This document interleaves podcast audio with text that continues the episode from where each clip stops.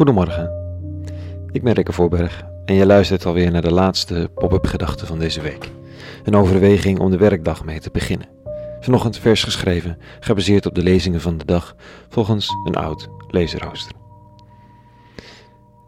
Het verwijt voorbij. Pop-up gedachte vrijdag 17 januari 2020.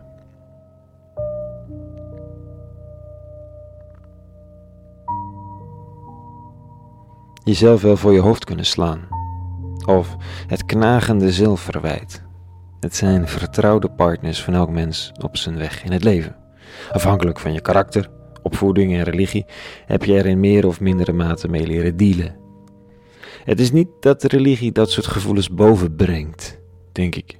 Ze horen er gewoon bij. In religie probeert men een antwoord dan wel een kader te formuleren voor dit soort gevoelens. Te weinig aan mezelf gedacht, te weinig aan de ander gedacht. Een afspraak vergeten of iets niet voorbereid terwijl ik het wel al beloofd. Vrienden die je zou opzoeken, straatfeestjes waarvan je toch echt ze wilde organiseren als goed voornemen. En dat kan nog, hè, maar de manier waarop je agenda volloopt voorspelt niet veel goeds. De lijst stapelt zich al snel op. Je staat er maar niet al te veel bij stil. Dat is mijn niet geheel bewust gekozen strategie in elk geval. En je doet dingen die ook zinnig zijn, om de stem van het geweten wat te sussen. Vandaag een fascinerend stukje uit een van de evangeliën. De enthousiaste biografische vertellingen over het leven van Jezus van Nazareth, door mensen die er vrij dicht op hebben geleefd. Dit staat er vanochtend. Men kwam een lamme bij hem brengen, die door vier mannen gedragen werd. Omdat zij wegens de menigte geen mogelijkheid zagen hem dicht bij Jezus te brengen, legden ze het dak bloot boven de plaats waar hij zich bevond, maakten er een opening in en lieten het bed waarop de lamme uitgestrekt lag zakken. Toen Jezus hun geloof zag, zei hij tot de lamme: Mijn zoon, uw zonden zijn u vergeven. Nou, allereerst diepe buiging voor de creativiteit en onverschrokkenheid van de vijf mannen.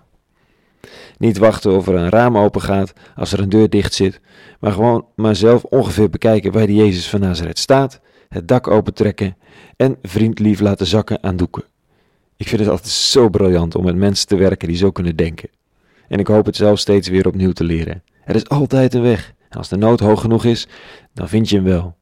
Opgeven is geen optie. Geduldig wachten is een bijzonder mooi streven. Ook. Maar er zijn ook andere benaderingswijzen. En als je met vijf vrienden te lang in de rij staat te mompelen, komt er vanzelf iemand met een gouden idee. Nou, dat kun je dan vervolgens gaan doen. Een soort bravoure hè, projecteer ik hierop. Uh, maar goed, dat, dat ben ik. Het kan ook wanhoop zijn. Of verdriet. Of dat ze het gezeik van hun lamme vriend zo verschrikkelijk zat zijn dat ze hebben gezegd: Oké, we leggen je bij JC aan de voeten, maar dat is dan het laatste wat we voor je doen. Ook dat kan. Ik verwacht het niet, maar het kan.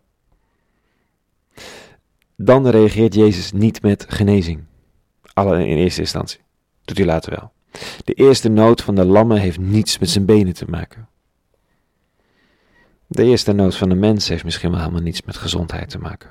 Al doen onze sportscholen reclames, dieetgoeroes en eet- en drinkdiscussies dan wel eet- en drink-opvoeddebatten soms anders vermoeden.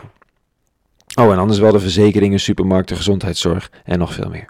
Wees gezond, blert alles om ons heen fit, goed fysiek functionerend, loop met hartslagmeters, rol je rolstoel met olympische spierkracht in je basketbaltoernooi, etc. En eh, wat ik mooi vind, ik bedoel dat het lijf is, is, is vrij briljant in elkaar gezet. Doe er iets moois mee, en toch?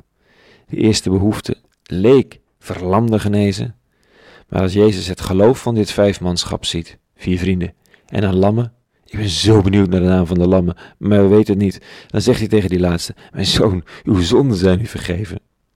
Het is niet zo dat meneer de lammen kan opspringen en ronddansen, want hij is verlamd, maar ik verwacht dat hij het anders gedaan zou hebben. Er is iets met vergeving van, van alles, als je het gelooft. Dat, dat, er is iets dat een mens diep gelukkig maakt.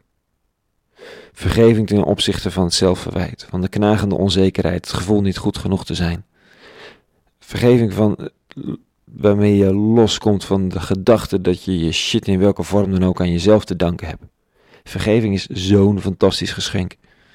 Kijk, geloof het maar eens, hè, als iemand het je zegt, en dat is het moeilijkst. Het concept bestaat, vergeving. Mensen zeggen het ook tegen je. Trek het je niet aan, het is al lang goed, ik heb het je al lang vergeven. Maar dan het geloven. En Jezus zag in de toewijding van de vier vrienden en de lammen zijn kans. Dat als hij nu zou zeggen, je zonden zijn je vergeven, dat ze hem zouden geloven. Dus hij grijpt zijn kans. Oh, en het is een manier om de omstanders te verrassen en de religieuze leiders een tikje uit te dagen. Want alleen in de tempel worden zonden vergeven, hè? in principe, door priesters met offers en zo. Nou, zegt JC, niet meer. Ook hier, onder ons, door mij. Nou, en vervolgens ook heel graag door jullie. Tot zover vandaag. Op een ontspannen vergeven weekend dan maar. Meer is hier uh, te vinden op lazarusstaatop.nl. En voor nu, vrede gewenst. En alle goeds.